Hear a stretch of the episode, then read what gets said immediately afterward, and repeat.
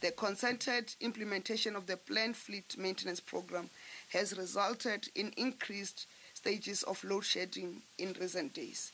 The implementation of stage 6 load shedding was a regress from the trends that prevailed in the previous weeks of lower stages of load shedding.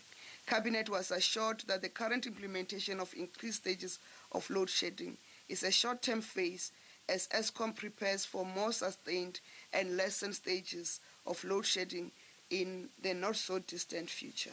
The Minister in the Presidency for Electricity, Dr. Hossein Suramukopa, will continue to update the nation on the progress being made to address the current electricity challenges and the steps being taken to ultimately end load shedding. On economic matters, Ntshavheni says that measures to address budget shortfalls resulting from government's current fiscal constraints must not impact negatively on service delivery. Cabinet appreciates the current fiscal constraints, which are not unique to South Africa, but has resulted in in-year budget shortfall. Cabinet has iterated that measures to address the budget shortfall must not impact negatively on the service delivery. The Minister of Finance will shortly issue guidelines clarifying the unintended misunderstanding arising from the cost containment letter issued on the 31st of August 2023.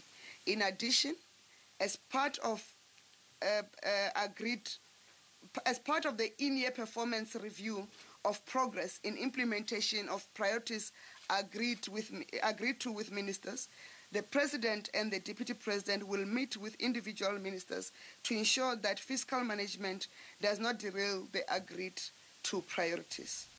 The minister also said that Cabinet is happy with the performance of the country's economy. Cabinet is pleased with the resilience of the South African economy as shown by, the South, Africa, by South Africa's gross domestic products second quarter data as released by Stats SA. This is despite the difficult global economic conditions and the persistence of electricity situation in the country.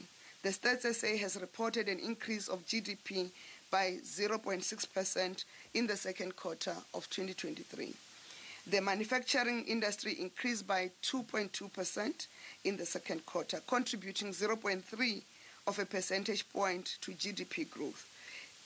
The continued improvements in manufacturing data indicates improvements in the production capacity, which in turn contributes to increase in total manufacturing employment. Minister, uh, Minister Ntshavheni also said that Cabinet welcomed the arrest of more than 600 suspects by law enforcement agencies. On Operation Bring Back, Cabinet commended the ramping up of Operation Bring Back to identify and recover illegally occupied state buildings. As part of this initiative, the national government is providing support to municipalities to ensure the enforcement of bylaws to eradicate hijacking of buildings, their effective management and utilization, and ability to account for the utilization of government's immovable assets. And we've seen this work in the Johannesburg CBD uh, uh, being ramped up.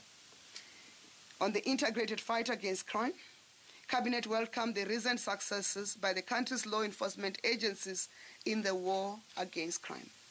In the first quarter of 2023, the Hawks arrested 611 suspects and seized various items, including precious metals and diamonds, endangered species, vehicles, cash, firearms, ammunition, counter, counterfeit goods, explosive, and electronic devices.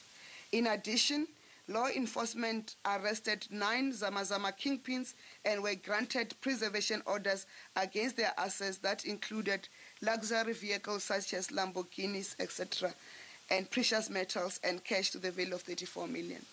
This goes against the narrative that says in our fight against Zamazamas, we are only targeting runners. We are targeting the kingpins. Cabinet commends the law enforcement agencies on their fight to dismantle crime syndicates.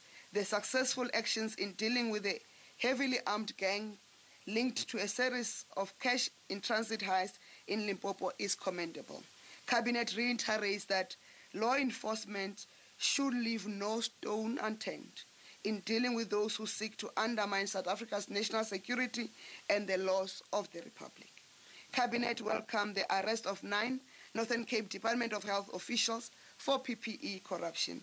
The suspects are accused of fraud, corruption, money laundering, and contravening the Public Finance Management Act. We need patience of our people in terms of the arrest of PPE corrupt uh, officials and uh, their business partners, but we're gradually making progress. And that was Minister in the Presidency, Kumbuzo Njaweni, briefing the media on the outcomes of a cabinet meeting that was held yesterday.